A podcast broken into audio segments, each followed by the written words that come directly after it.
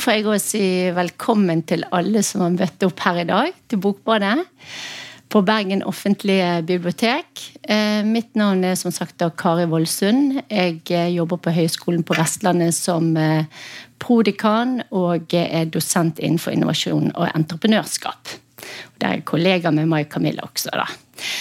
Ja, Mai Camilla. Mm. Litt om deg først. Sant? Du har en doktorgrad i samfunnsvitenskap. Mm.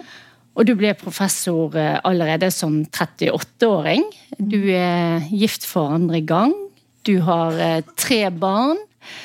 Ja, en alder mellom 10 og 17, eh, og to av de er fra det første ekteskapet. Så skjedde det noe, da. 31. juli 2020. Da ble du plutselig 100 sykemeldt mm. etter å ha hanglet i en tid. Mm. Du gjorde en rekke grep. Eh, du gjorde en litt drastiske grep. Blant annet så eh, sa du opp etter hvert din professorstilling, og eh, begynte et enklere og mindre press. Sant? Du hadde en midlertidig forskerstilling mm. med lavere lønn, blant annet. Mm. Og så gjorde du en lengre reise innover i din egen kropp. Mm. Eh, innover i din egen historie. Mm. Og halvannet år etterpå så satt du der med en bok. Du hadde rett og slett skrevet en bok som kom ut i november. Eh, denne boken fikk tittelen eh, 'La masken falle'. Mm. Ja, her står den. Ja. Med en veldig fin illustrasjon. Mm. Som datteren til en venninne mi har laget. Mm. Veldig, veldig fin. Og det er en personlig fortelling om å gi slipp på barndomstraumer. Og det er jo det som er tema for denne samtalen. Mm. Men aller, aller først, da. Eh, Mai Camilla, hva fikk deg til å skrive denne boken? Mm. Ja, jeg skal, fortelle, jeg skal, starte med å fortelle hva som skjedde. Og da skal jeg lese bl.a. åpningsdiktet fra boken. Og når jeg leser fra boken, som jeg da har litt sånn utskrift av her, så kommer jeg til å reise meg. Så den 20. desember 2021, etter halvannet års hardt terapeutisk arbeid, så våkna jeg grytidlig en morgen med en følelse av at det var noe som skulle skrives, noe som skulle ut. Så jeg sto tidlig opp, satte på PC-en, og noen minutter seinere kunne jeg lese det som var et av mine aller første dikt. Og det gikk sånn. Mitt hjerte, allerede såret og på vakt, gikk i dekning da jeg som tiåring ble kasta på dyp sjø. Et lukket blåskjell vernet seg mot en utrygg verden, med polert skall en blankskurt fasade som reflekterte det de voksne ville se. Blaff av følelser ble raskt børsta bort som uønskede smuler etter kveldsmaten. Kun vage ekko av den indre uroen kom til overflaten som eh, øreverk, dårlig syn, en løs venstreankel med stadige overtråkk, sting i magen, likfingre og konstant forstoppelse. Men det var ingenting å bry seg med, kunne min mor trøste meg med. Nå er blåskjellet dekket av rur, tang og tare, og jeg åpner meg endelig opp for å gi slipp på barndommens infiserte brakkvann. Barndommens infiserte brakkvann, tenkte jeg. Sånn har jeg aldri tenkt om barndommen min før. Og så kom neste tanke. Dette Mai Camilla, det er åpningsdiktet av en personlig bok som skal handle om å gi slipp på barndomsdrømmer. Og da begynte jeg å diskutere med meg sjøl, sånn som jeg av og til gjør. Og sa til meg sjøl at det passa ganske dårlig. Jeg var akkurat begynt å bli frisk etter halvannet års hardt arbeid, og jeg hadde ambisjoner om å være julemamma og bake julekaker og vaske julehus og den slags ting. Eh, så det kom ikke på tale. Men tanken var veldig sånn tydelig at jeg skulle skrive denne boken. Og så sier jeg til meg selv at jeg har ikke lyst til å skrive om barndomstraumer heller. Ikke det lyst i det hele tatt. og så frem og tilbake litt mer, og så var det sånn ja, men Mai Camilla, du skal gjøre det. Du kommer til å få hjelp. Så jeg er jo lett å overtale, og glad i å skrive.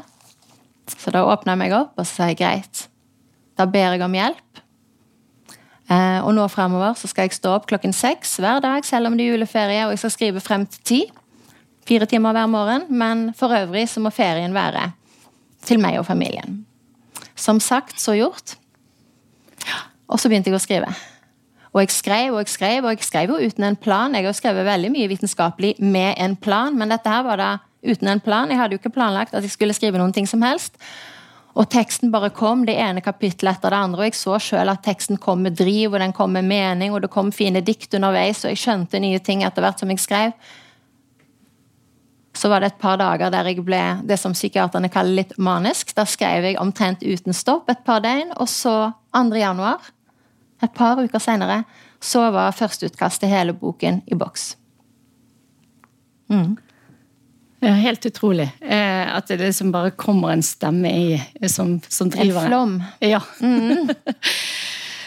på, på, bakgrunn av all den eh, erfaring og de prosesser som du har hatt i det, hva, hva er egentlig barndomstraumer, sånn som du ser det? Ja, barndomstraumer, sånn som jeg ser det, jeg kan si Før jeg skrev boken, så hadde jeg ganske lite teoretisk kunnskap om traumer. Jeg hadde noe. Uten liksom å være så bevisst, så hadde jeg skrevet litt vitenskapelig om, om såkalt traumesensitive velferdstjenester og sånn, men jeg hadde ikke tenkt at jeg hadde traumer. Men i alle fall, traume sånn som jeg definerer det, det er helt kort fortalt. Og det er ikke bare jeg som definerer det sånn. Det er også i tråd med kan jeg si, Frans Ruppert. For de som kjenner han, han har skrevet en bok som heter 'Sår på sjelen', og Gabor Maté som bl.a. har skrevet 'Når kroppen sier nei', og den boken han nå er aktuell med, som heter The Myth of Normal, altså normalitetens myte, eller noe sånt. Myten om det normale, er vel norsk tittel. I alle fall, i tråd med disse traumeforskerne så definerer jeg traume som sår på sjelen, eller sår på psyken. Um, og årsaken til at det kom et sår, uh, kan jo da være ulike ting. Et traume det er sånn som jeg ser det, ikke en hendelse i seg selv, men konsekvensene som den hendelsen kan skape dersom hendelsen ikke reguleres, repareres, dersom barnet ikke trøstes, dersom barnet ikke får mulighet til å føle de følelsene som kommer opp, dersom man, dersom man ikke ivaretas. Så et traume det kan eh, skapes av en rekke forskjellige hendelser. Der har vi ulik robusthet, ulik sårbarhet, men det kan også være det som aldri skjedde. Det bortvendte fanget. Den forelderen som aldri la merke til noen ting som helst. De behovene som ikke ble møtt. Det kan òg forårsake et traume. Uh, og også på en måte det å være i at ikke en bestemt hendelse som sådan, men det å liksom være i en veldig sånn stresset situasjon over tid, sånn at du er i en sånn veldig etter hvert hormonell ubalanse og blir i konstant kronisk overaktivering, det kan òg skape et traume. Og sånn som man i psykolog, psykologien ofte snakker om det, så kan det jo være dissosiasjon. Det, altså det såret på sjelen eller såret på psyken kan føre til at deler av oss selv spaltes av. Noen snakker om avspaltning. Noen snakker om dissosiasjon. Og konsekvenser blir jo ofte at etter hvert som man vokser opp, for min del f.eks., så uten liksom bevisst eh, kontakt med enkelte minner. Ikke bevisst mm. kontakt med deler av den bagasjen da, som jeg har i kroppen, og som kroppen husker, men som ikke er sånn direkte tilgjengelig. Enten fordi man har forvrengt det litt, eller fortrengt det litt, eller bagatellisert det, eller på andre måter holder det litt på avstand. Mm. Og det her det Bevisst og ubevisst. Mm. Litt min uh, nysgjerrighet, da. For det, altså, hvordan var egentlig din barndom? Kan du beskrive den litt sånn at vi ser den litt for, ja. for oss? Ja. I korte trekk så vokste jeg opp i en sånn relativt alminnelig middelklassefamilie i bibelbeltet på Karmøy. Eh, det ble etter hvert fem barn i familien. Det skulle vært seks. Min yngre lillesøster døde i krybbedød. Og det at min yngre søster døde i krybbedød, det var ikke noe særlig tematisert hjemme hos oss. Så jeg ble ganske stor før jeg skjønte at jeg hadde mista en lillesøster. Og, men det at vi mista lillesøster, da skapte nok en del sikkert sorg og savn og så videre i mine foreldre, men som sagt kanskje ikke ble direkte bearbeidet, men som kanskje heller ble holdt på avstand gjennom det som jeg kaller for arbeidsnarkomani eller Duracell-kaninaktivitet. Men iallfall det å hele tiden holde seg i aktivitet, da. Uh, uh, det var en del uro hjemme, og min far han hadde det som ikke var så vanlig på 80-tallet, men som var veldig vanlig for dere som er litt eldre enn meg, tror jeg. Men sånn veldig sånn lydighetsorientert regelstyrt oppdragelsesfilosofi, der barn skal ses, ikke høres. Og det var mange regler hos oss. Nåde den som kommer for sent til middagen. Nåde den som løper i trappen. Nåde den som glemmer leker i stuen. Nåde den som glemmer å henge opp jakken etter å ha vært ute. Nåde den som glemmer å ta av seg skoene ute på trappen. Sand skal ikke tas inn ikke sant, i gangen. Og her Man skal spise pent, og man skal ikke søle. Og jeg var et barn som viste det seg etter hvert var veldig nærsynt. Eller i hvert fall da jeg fikk briller som syvåring, så var jeg svært nærsynt. Jeg vet jo ikke hvor lenge jeg hadde vært det, men jeg var i hvert fall Sjossen, som jeg ble kalt, og frøken Krasjbombang, som jeg også ble kalt. Og jeg sølte og veltet og sølte og veltet, spesielt en bestemt melkekopp med tre bukkene brus, som jeg husker veldig godt. Og hvordan jeg har prøvd å konsentrere meg som fire-femåring med å la være å søle den der, sant? velte den melkekoppen. Og det er klart, når du er veldig orientert mot å ikke velte en melkekopp, så velter jo den enda litt oftere enn den trenger. Og pappa, da, som smeller knyttneven. Hvor vanskelig kan det være å lære seg å drikke, Mai Camilla? Er du helt korka? Og så denne mammaen da, som vender seg bort. Vender seg bort, opptatt med noe annet, og som kanskje kvisker litt til meg etterpå. Ikke bry deg med pappa, han sier så mye dumt. Og pappa som ikke bare kjefter på den måten, men som også truer. True med ris var veldig vanlig, men også truing med bank truing med å bli slått helseløs. Gul og blå. Kverka, vridd om nakken. Hvis du ikke gjør det, så vrir jeg om nakken på deg. Hvis du ikke gjør det, så slår jeg deg gul og blå. Og som jeg skriver i boken, pappa var god med ord og kunne true i de mest poetiske vendinger. Så det vokste jeg i hvert fall opp med. Og så kan jeg si at det som da etter hvert ble min sånn Jeg tenker som så, da, at når man opplever det som jeg beskriver nå, så utvikler man det som man kaller for kompensatoriske atferdsmønstre. Og da har vi jo ulike som vi kjenner igjen som usunne. Etter hvert som man blir voksen, da, som type rusmisbruk eller alkoholmisbruk eller pillemisbruk eller ulike måter da, å dempe smerten. Mens minst mitt mønster det var det som vi kaller for overansvar. Trodde at alt var mitt ansvar. Og ble mamma sin reddende engel. Veldig fornøyd over å få lov å være mamma sin reddende engel. Og eh, overprestasjon etter hvert. Kjempeviktig for meg å prestere. Og jeg var jo veldig glad da når jeg kom på ungdomsskolen og oppdaga at jeg ikke var dum, for det trodde jeg ganske lenge at jeg var. Eh, men oppdaga på ungdomsskolen at jeg ikke var dum. Og så til min lykke, da. Liksom gode karakterer og prestasjon osv. Og, så videre, og gikk jo da inn for en akademisk retning. Um, så det kan jeg kanskje bare nevne. da, sånn at Hvis noen da spurte meg hvordan jeg hadde det, eller sånt, noe, hvordan det gikk med meg da jeg var i 20- og 30-årene, så ville jeg nok referere til prestasjoner og meritter.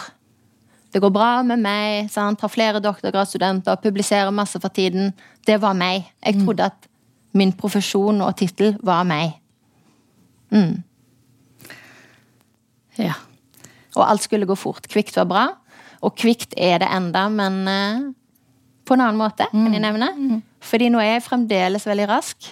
Og dere hører jeg snakker raskt. Jeg kan konsentrere meg om å snakke litt lavere, kanskje. Men, nei, saktere. men men forskjellen i forhold til før det er at nå løper jeg ikke fra meg selv. Jeg har ganske høyt tempo, men jeg hviler mye.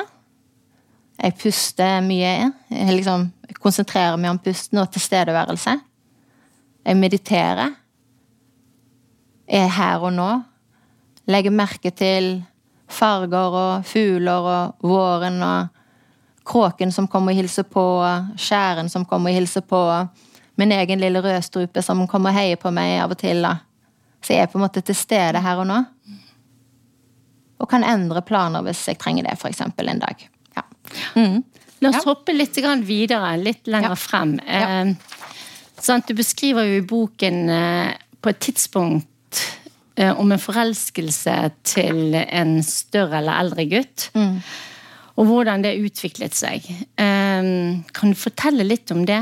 Hvordan det ja. Mm, mm. ja. For jeg var i barneskolealder så var jeg sårbar. Jeg strevde på skolen. Hadde ikke venner i klassen, ble ikke invitert til bursdag. Og den type ting. Men det, var noen som jeg kunne leke med i nabolaget, som gikk sant, i klasser over og under og sånt. Og så var det den våren jeg skulle fylle ti, men jeg var ni enda da, ni og et halvt, så fikk jeg oppmerksomhet fra noen store gutter som var noen år eldre enn meg Den ene skulle konfirmeres, og den andre var konfirmert og fysisk like stor som pappa. Omtrent. Og jeg var en liten, tynn tiåring. Eh, de var interessert i meg, og jeg syntes han ene var litt kul. Og jeg ble bæret over oppmerksomheten. Gikk frivillig inn på det gutterommet flere ganger. Og de første gangene så var det litt stas og litt kyssing, og det var greit.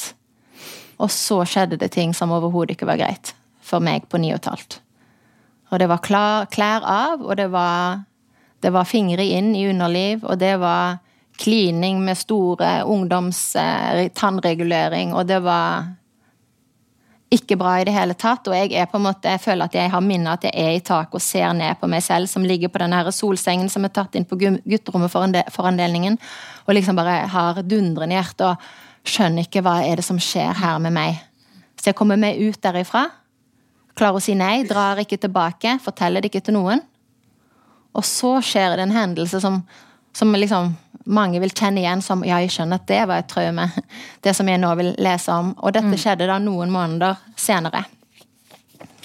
Gjerne les. Les det, ja. ja. Det er en høstdag 1987, en ettermiddag.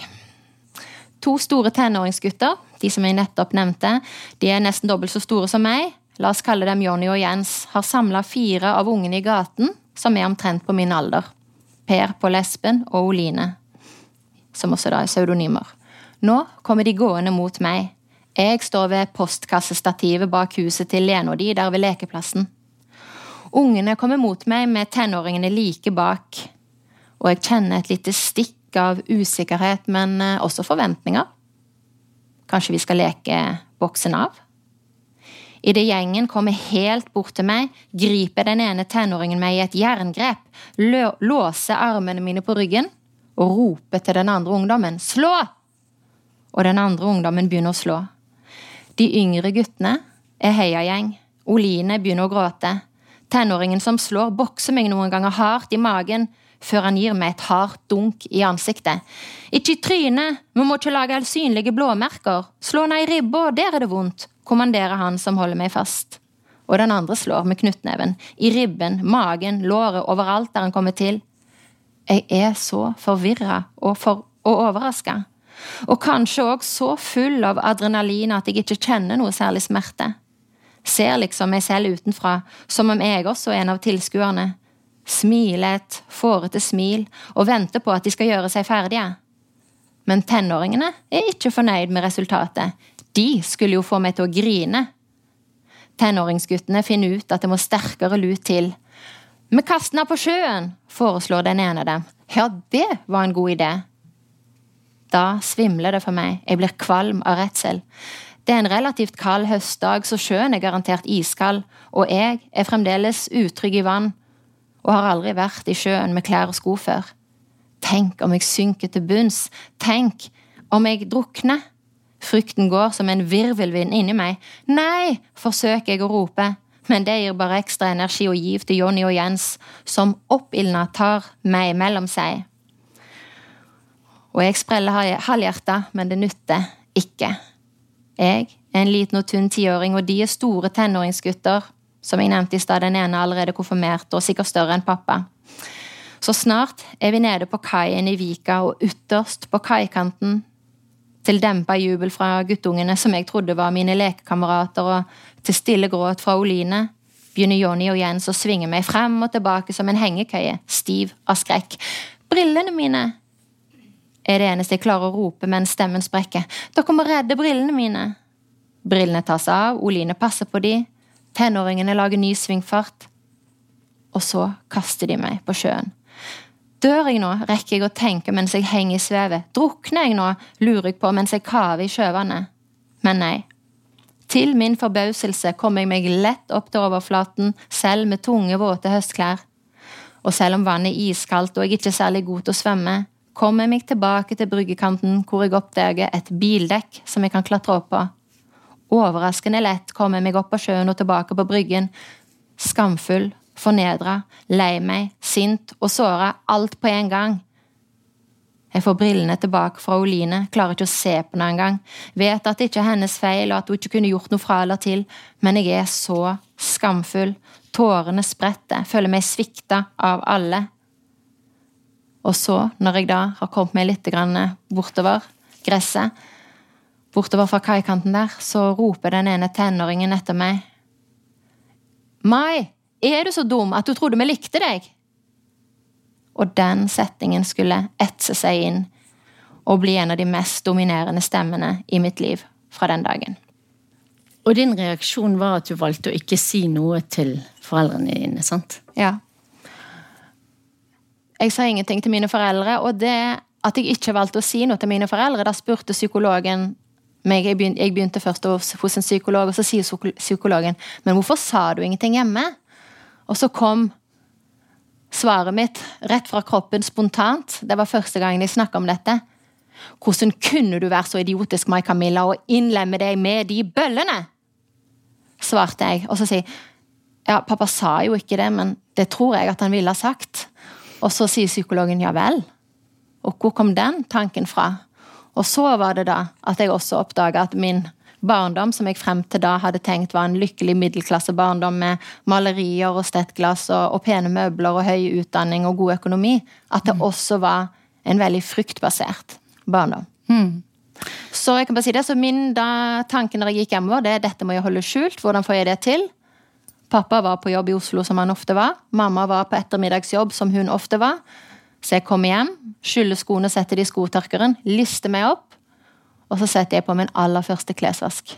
Og så sitter jeg litt som en sånn skjelvende aspeløv ved kjøkkenbordet når mamma kommer hjem fra jobben litt senere den kvelden.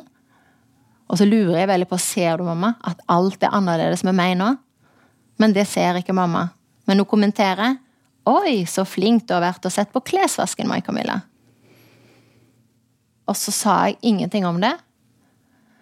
De overgrepene som jeg fortalte om i stad, de fortalte jeg om etter hvert. Ikke til noen mens jeg var liten, men jeg fortalte litt om det etter hvert som jeg ble voksen.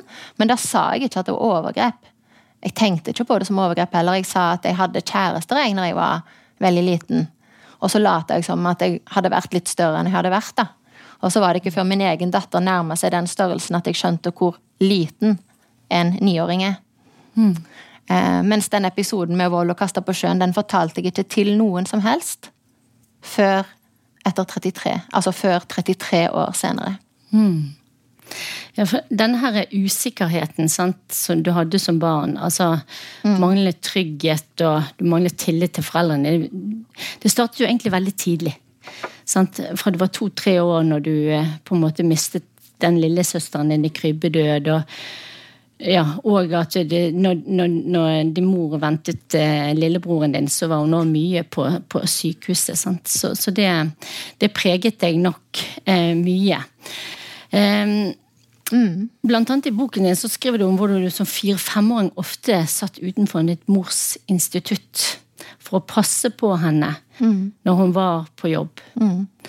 Kan ikke du lese litt om eller beskrive det litt? Ja, kanskje beskrive litt, for jeg føler vi, Kanskje tiden går så ja. fort fra oss. Men jeg kan bare nevne det at når jeg jobba med disse tingene, så skjønte jeg at eh, jeg begynte å passe på mamma veldig tidlig. Altså at jeg trodde jeg skulle passe på mamma fra veldig tidlig av. Og det handler nok om dette her med, som du sier, at lillesøster døde i krybbedød. Mamma ble umiddelbart gravid med lillebror. Og det ble en komplisert, et komplisert svangerskap. Så hun var innlagt på sykehus i en del uker. Jeg vet ikke hvor mange uker, men hun var innlagt på sykehus i en del uker. Og i den perioden var jo jeg da hjemme med pappa som sikkert var lei seg og frustrert. Og jeg, jeg, vet ikke akkurat disse minnene når han på en måte var mest utagerende og sint hva tid det var verst. Jeg vet at det var verst før jeg fulgte syv. Men, men, det var nok også da i den perioden. sånn at når da kom mamma hjem, og så fikk vi dagmamma til lillebror, og for så vidt også til meg. Men jeg ville ikke være med dagmammaen. Jeg satt utenfor instituttdøren og passa på mamma. Hun var terapeut og hadde institutt i forlengelsen av huset. Og passet på og passet på. Og det ble en historie etter hvert som jeg vokste opp, vokste opp også og meg som alltid satt utenfor den instituttdøren, og som smatt inn på instituttet hvis jeg fikk sjansen, og sang 'Vær meg nær' og 'Gud for pasienten' og den type ting. Men hvorfor jeg satt der, det ble jeg ikke nøsta opp i før jeg begynte i terapi, og jeg skrev boken. Så, og det kan dere få lese, da. Men, eh, men, eh, og da var det liksom å finne ut dette. Hvorfor satt jeg der? Hvorfor hadde jeg behov for å passe på mamma? Hvorfor trodde jeg at min rolle var å være hennes reddende engel? Mm. Mm. Kanskje du beskriver litt av sånn sant, Jeg lurer på er, hvordan du opplevde din mor i rollen som mamma. Mm. Mer detaljert. Mm. Jeg kan si litt kort. Altså, det er vanskelig å beskrive. Hun er veldig aktiv og får veldig mye gjort. Glad og munter, sporty og sprek, men veldig, veldig mye aktiviteter. Så etter hvert da, Det var vanskelig for meg å skjønne hva er det som er så vanskelig i relasjon til mamma. Men dette, det jeg etter hvert kom frem til, det var begrepet bortvendthet. Så hun var jo der fysisk, men emosjonelt bortvendt. Antageligvis fordi hun hadde nok med seg og sitt og alt det som hun skulle styre med. Um, ja. Så fysisk tilstedeværende en hel del, veldig veldig aktiv og emosjonelt bortvendt. Og så opplevde jeg at hun sammenligna meg, både med seg selv, og da kom jeg til kort. Og hun sammenligna meg også med min storebror, og da kom jeg også til kort. Sånn som jeg opplevde det. Eh, så, eh, så, jeg var veldig glad da når jeg som syvåring begynte å få fast oppgave å passe på lillebror, som var fire, da mamma var på ettermiddagsjobb. Så jeg hadde ansvar for å passe på lillebror på fire, tre ettermiddager i uken, da jeg sjøl var syv. Og da begynte liksom verdien å komme litt til meg. Da hadde jeg fått briller på nesen og hadde oppgave å skulle passe lillebror, og fikk en tikroneseddel ti hver fredag. Så da gikk verdien min litt opp, følte jeg. Ja. ja. La oss gå videre til neste her. Eh, eh, for nå vil jeg peke litt på noe annet da, eh, tema. Og det er det at du har jobbet mye med tilgivelse i din prosess. Mm. Kan du si hva tilgivelse er for deg? Mm. Camilla? Ja. Tilgivelse, helt kort fortalt, det tenker jeg som å gi slipp på konsekvensene av de sårene som er påført meg. Gi slipp på konsekvensene, gi slipp på sårene, gi slipp på det jeg ikke trenger å bære på lenger, ut ifra logikken om at jeg har lidd lenge nok. Så det ikke, det, Tilgivelse for meg handler ikke om å akseptere det som skjedde. Det handler ikke om å sette en strek over det som skjedde. Eh, jeg har ikke behov for at de jeg skal tilgi, sier unnskyld eller tar ansvar. Eh, jeg har ikke behov for å like de jeg tilgir. Jeg har ikke behov for å bli forsont med de eller omgås de. Men tilgivelse for meg, sånn som jeg bruker begrepet, så snakker jeg om en radikal form for tilgivelse der alt kan tilgis. Fordi den eneste vi straffer ved å la være å tilgi, er oss selv. Mm. Eh, så jeg jobber veldig mye med tilgivelse, ja si, nesten hver dag i tre år. Og jeg jobber jo enda med tilgivelse eh, og kjenner liksom. Så hver gang når jeg kjenner ag eller na, altså agg eller nag eller bitterhet eller sinne eller sorg, så har jeg enda et lag å gi slipp på. Enda mer å tilgi. Og da prøver jeg for eksempel, da gjør jeg ulike meditasjonsøvelser og ulike tilgivelsesøvelser og prøver å være raus med meg selv. Ja, det er vanskelig, men jeg gjør det likevel for min egen del. Og så Nå for tiden så jobber jeg med en sånn liten affirmasjon der jeg sier alle har sin historie. Alle har sin historie, og så for eksempel 'mamma, jeg tilgir deg for å sette meg selv fri'. Mm. Eller 'overgriper slik og sånn, jeg tilgir deg og setter meg selv fri'. Jeg har lidd lenge nok. Mm. Og så har du brukt noe hypnotisering, sant? Eller hypnot ja, jeg har fått hjelp av mange. Jeg har fått hjelp av både en spirituell lærer, og jeg har fått hjelp av en hypnoterapeut og psykodramaterapeuter.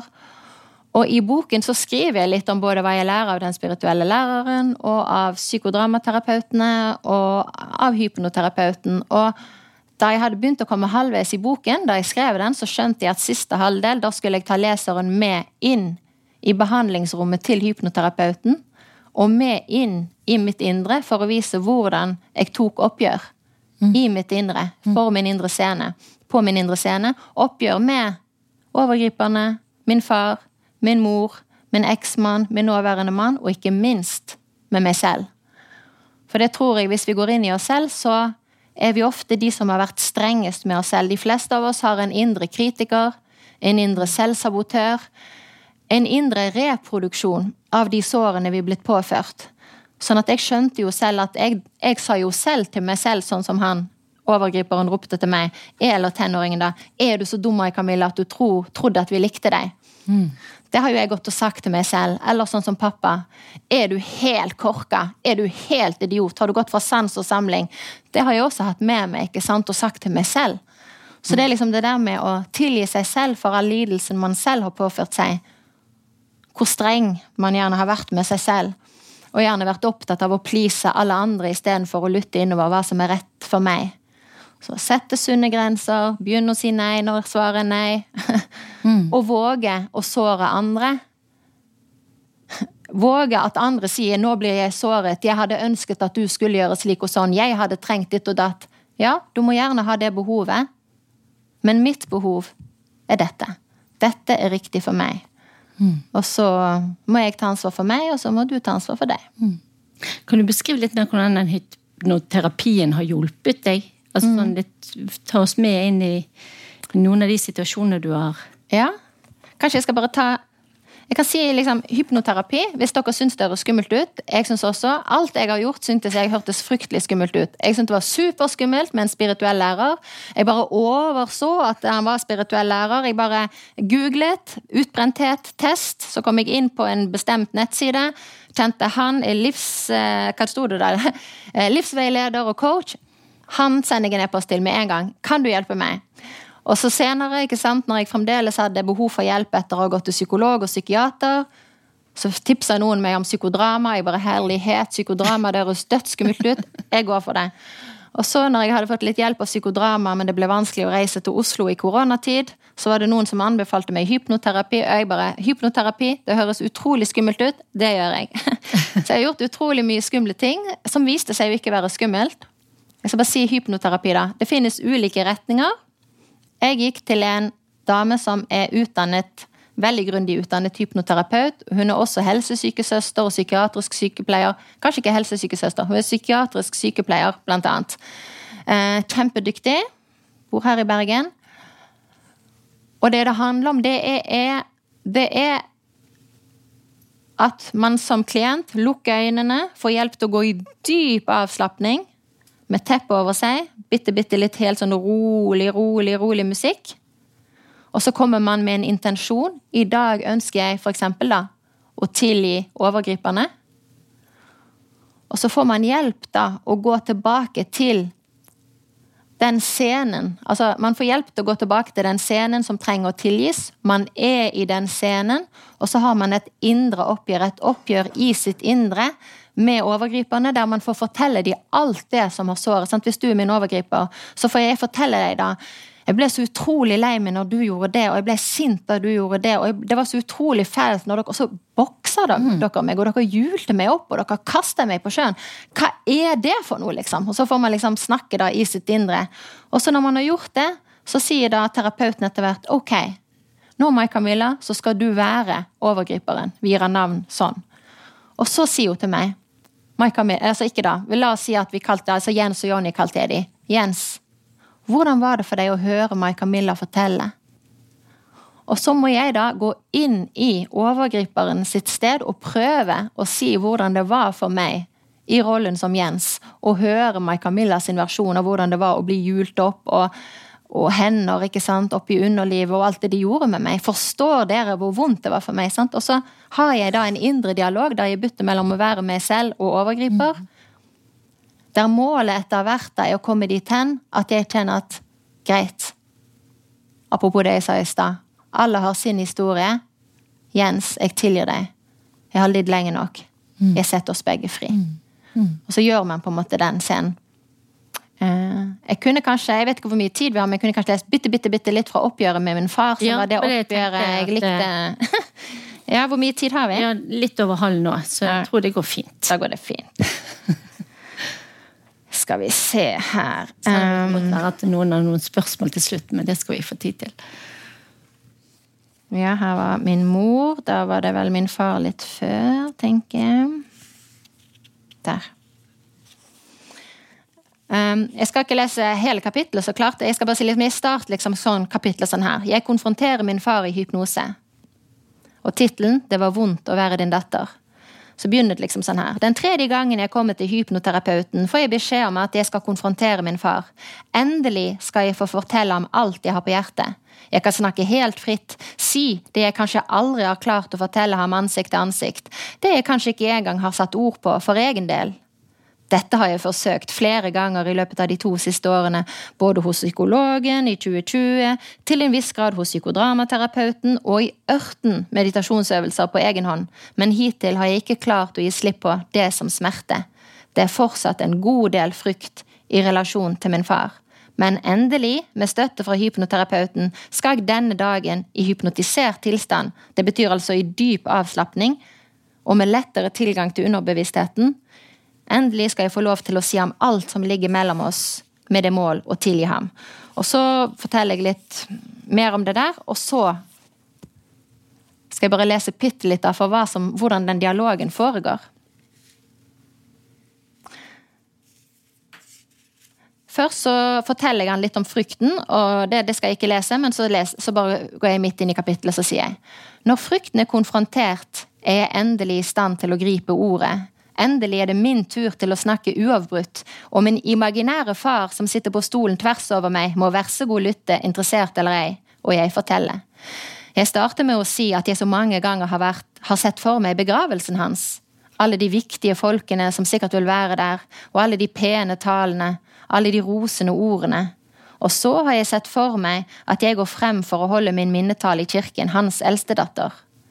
De oppmøttes øyne vendes mot meg, og jeg tar ordet. Og så forteller jeg litt hva jeg da tror jeg vil si, nemlig at eh, du var, som det har vært sagt, en usedvanlig flink og dyktig mann som fikk mye gjort, både yrkes- og karrieremessig i Norge og internasjonalt, men på hjemmefronten imponerte du ikke like mye. Det var til tider direkte vondt å være din datter, vondt å oppleve hvordan du oppdro oss barna med fryktstyrt lydighet og underdanighet som oppdragelsesfilosofi.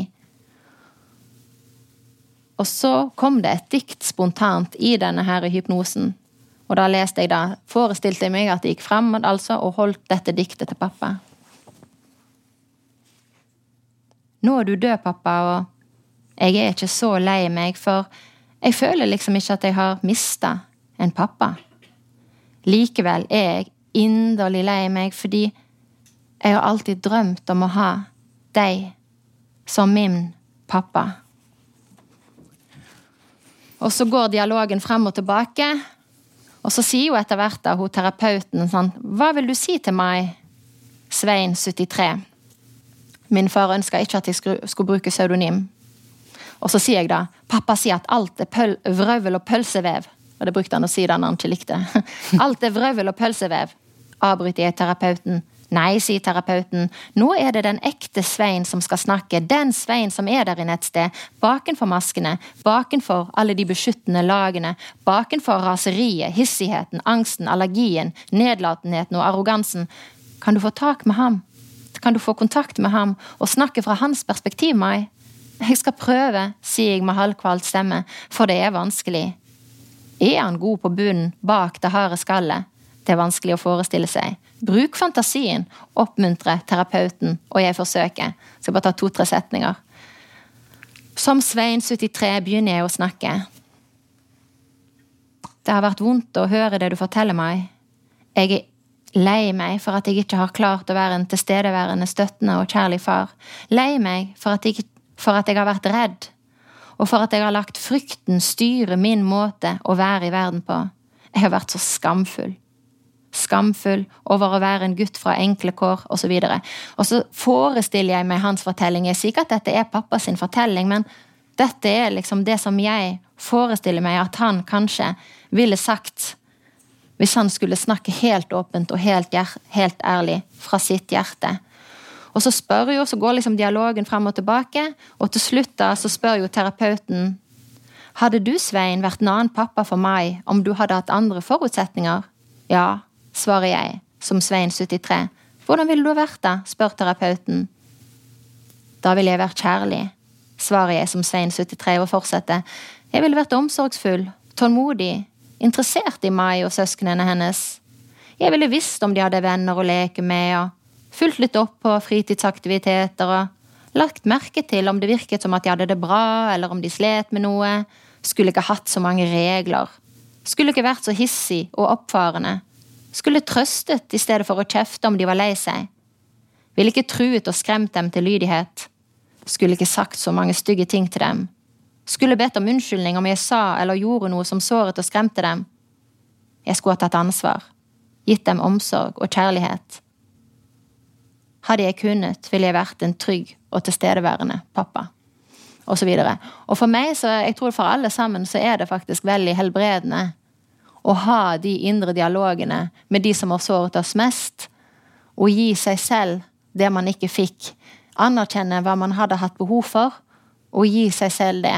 Sånn at man etter hvert kan være i stand til å si fra et sant sted Alle har sin historie. Pappa, jeg tilgir deg og setter meg selv fri. Ja. Veldig veldig sterkt skrevet, og jeg føler nesten det samme som første gang jeg leste boken din. ja. Det er så veldig lett å speile seg i, i dine historier, for vi har jo alle vårt, for å si det sånn. Jeg tenker vi alle har vårt, og at vi alle har en tendens til å bagatellisere vårt eget. For vi tenker at det er normalt, eller såpass burde vi tåle. Mm. Men det burde vi ikke, og det vi fortjener, er å ta oss mm. selv på alvor. Mm. Så selv om vi har forskjellige historier, så likevel så, så kan vi møtes på det følelsesplanet, da. Mm. Men du, ja. noe av det som jeg var veldig spent mm. på da jeg leste din bok, da, det var jo det her med hvordan din mann skulle reagere på den boken. For du mm. skriver jo ikke bare om deg sjøl og dine barndomserfaringer, men også om hvordan dine erfaringer, særlig før de var bearbeidet, kom til uttrykk i uheldige kommunikasjons- og samhandlingsmønstre i relasjonen til en mann, hvor dere veksler på å avvise hverandre. Mm. Og Du skriver jo underveis i boken at du tidvis var redd for at det nå vil være over mellom dere. Mm. Rett og slett at det, ja, det var spikeren i kisten for et ekteskap som kan uh, ha vært både smertefullt og svært berikende. Mm. Så hvordan reagerte din mann da, på, da han fikk manuset? Og dette blir avslutningen. Hvordan min mann reagerte. Så kan dere eventuelt stille spørsmål etterpå. Ja, eh, det som du sier, Kari, at eh, jeg var veldig spent på hvordan han ville reagere. fordi han spurte jo da på skriv i dag to eller tre hva er det du driver med meg, Camilla? Hvorfor står du opp så tidlig og hamrer på den der PC-en? Nei, jeg skriver bok. Ja, hva skriver du om, da? Eh, barndomstraumer. Barndomstraumer? Ja, og litt om hvordan de kommer til overflaten som symptomer vi gjerne ikke forstår, og uheldig kommunikasjon og uheldig samhandling og Ja, jeg er vel ikke en del av den boken. Det ser ut til at du blir en del av denne boken, Vebjørn, fordi Ikke sant? Fordi eh, du er jo min mann, og det er jo her all smerten på en måte spilles ut, primært. Dette er jo min vanskeligste relasjon, så du er dessverre med. Oh, og han syntes jo det var fæle greier. Eh, og det forstår jeg, men sånn var det. Og så eh, ville han ikke ha noe med det der manuset å gjøre. Mm. Ikke tale om om han ville lese ett ord fra det der manuset. Eh, og så måtte jeg faktisk da si til henne at vi må gå til parterapeuter, så vi får tatt en samtale om dette her. Og så må du nesten lese manuset, så du får finne ut om det er så ille som du tror. Mm. Ja, Så etter noen ukers nøling, da, det har jeg også med i boken, som dere forstår, så godkjente jo min mann boken til slutt. Um, og vi er fortsatt gift. All ære. Skal vi se. ja. Skal vi se, hvor er det jeg begynner å skrive om det her? Yes. Og jeg kan jo si da, jeg er jo litt jeg, ja, ja, Noen vil sikkert kalle det for kompromissløs. fordi at jeg sa til han at eh, hvis du ønsker å skille deg fra meg nå når du har sett hva jeg har skrevet, så er det helt greit. Det er helt greit. Men jeg trenger å utgi denne boken. Fordi at nå skal jeg være sann om meg selv og hvem jeg er. Og hvis du kjenner at ikke du kan være sammen med, deg da, med meg da, så er det ok. Det er ditt valg. Men les i hvert fall først. Så nå kommer det. Og da må jeg si her kaller jeg han Olav, fordi frem til helt på slutten så bruker jeg pseudonym om han etter hans ønske. En lørdag i siste halvdel av januar etter to-tre ukers nøling drar min kjære mann Olav på kontoret for å lese manuset. Stram i masken går han ut døren, og kvalm og svimmel venter jeg på hans dom. Timene går uten at jeg hører noe. Tåler Olav det jeg har skrevet? Vil han forstå det, og vil han være gift med meg når han har lest hva jeg skriver om ham, om oss, om meg? Eller vil han konkludere med at, og dette er egentlig et sitat, manuset er en materialisering, et ugjenkallelig bevis på at vi befinner oss på to forskjellige planeter, og at vi aldri kan finne tilbake til det gode og lette vi hadde. Det var hans frykt før han gikk, da. Jeg er like ved å kaste opp og google etter leiligheter i nærheten, for jeg er jo realistisk. Men sender varme tanker samtidig da, for at han skal lese med hjertet. Og etter en seks-syv timer så ringer endelig Olav. Jeg, eh, jeg syns det var fint, jeg, sier han med en stemme som brister. Jeg har lest og grått og lest, og han ler og kremter, forteller om hva han likte i boken, hva som berørte han, hva han nå har forstått som han ikke forsto før. Og det som står om deg, da, sier jeg utålmodig, om oss, er det mye du ønsker jeg skal endre eller slette, eller Nei, svarer han og tar en liten pause før han fortsetter. Du trenger ikke å endre noe av det du har skrevet om meg eller om oss to. Det er fint som det står. Hæ? Jeg holder på å ramle av sofaen der jeg sitter, kjenner gleden boble. Dette hadde jeg ikke turt håpe på, men, legger han til, og jeg stivner et øyeblikk, jeg er litt usikker på det pseudonymet du bruker meg, og etter litt betenkningstid kommer forløsningen. Du kan kanskje bare bruke mitt navn i boken. Ja, skriv bare Vebjørn, du. Og så skriver jeg da et spontant lite dikt. Kjære, kjære mann min Vebjørn. Nå har du lest, og du har sett hvem jeg er, og vår felles frykt er gjort til skamme. Vi kjenner oss begge lettere enn før, gladere enn før, tryggere enn før. Så er det sant at alt kan snu. Ja. Tusen takk skal du ha. Ja. Takk. Thank you.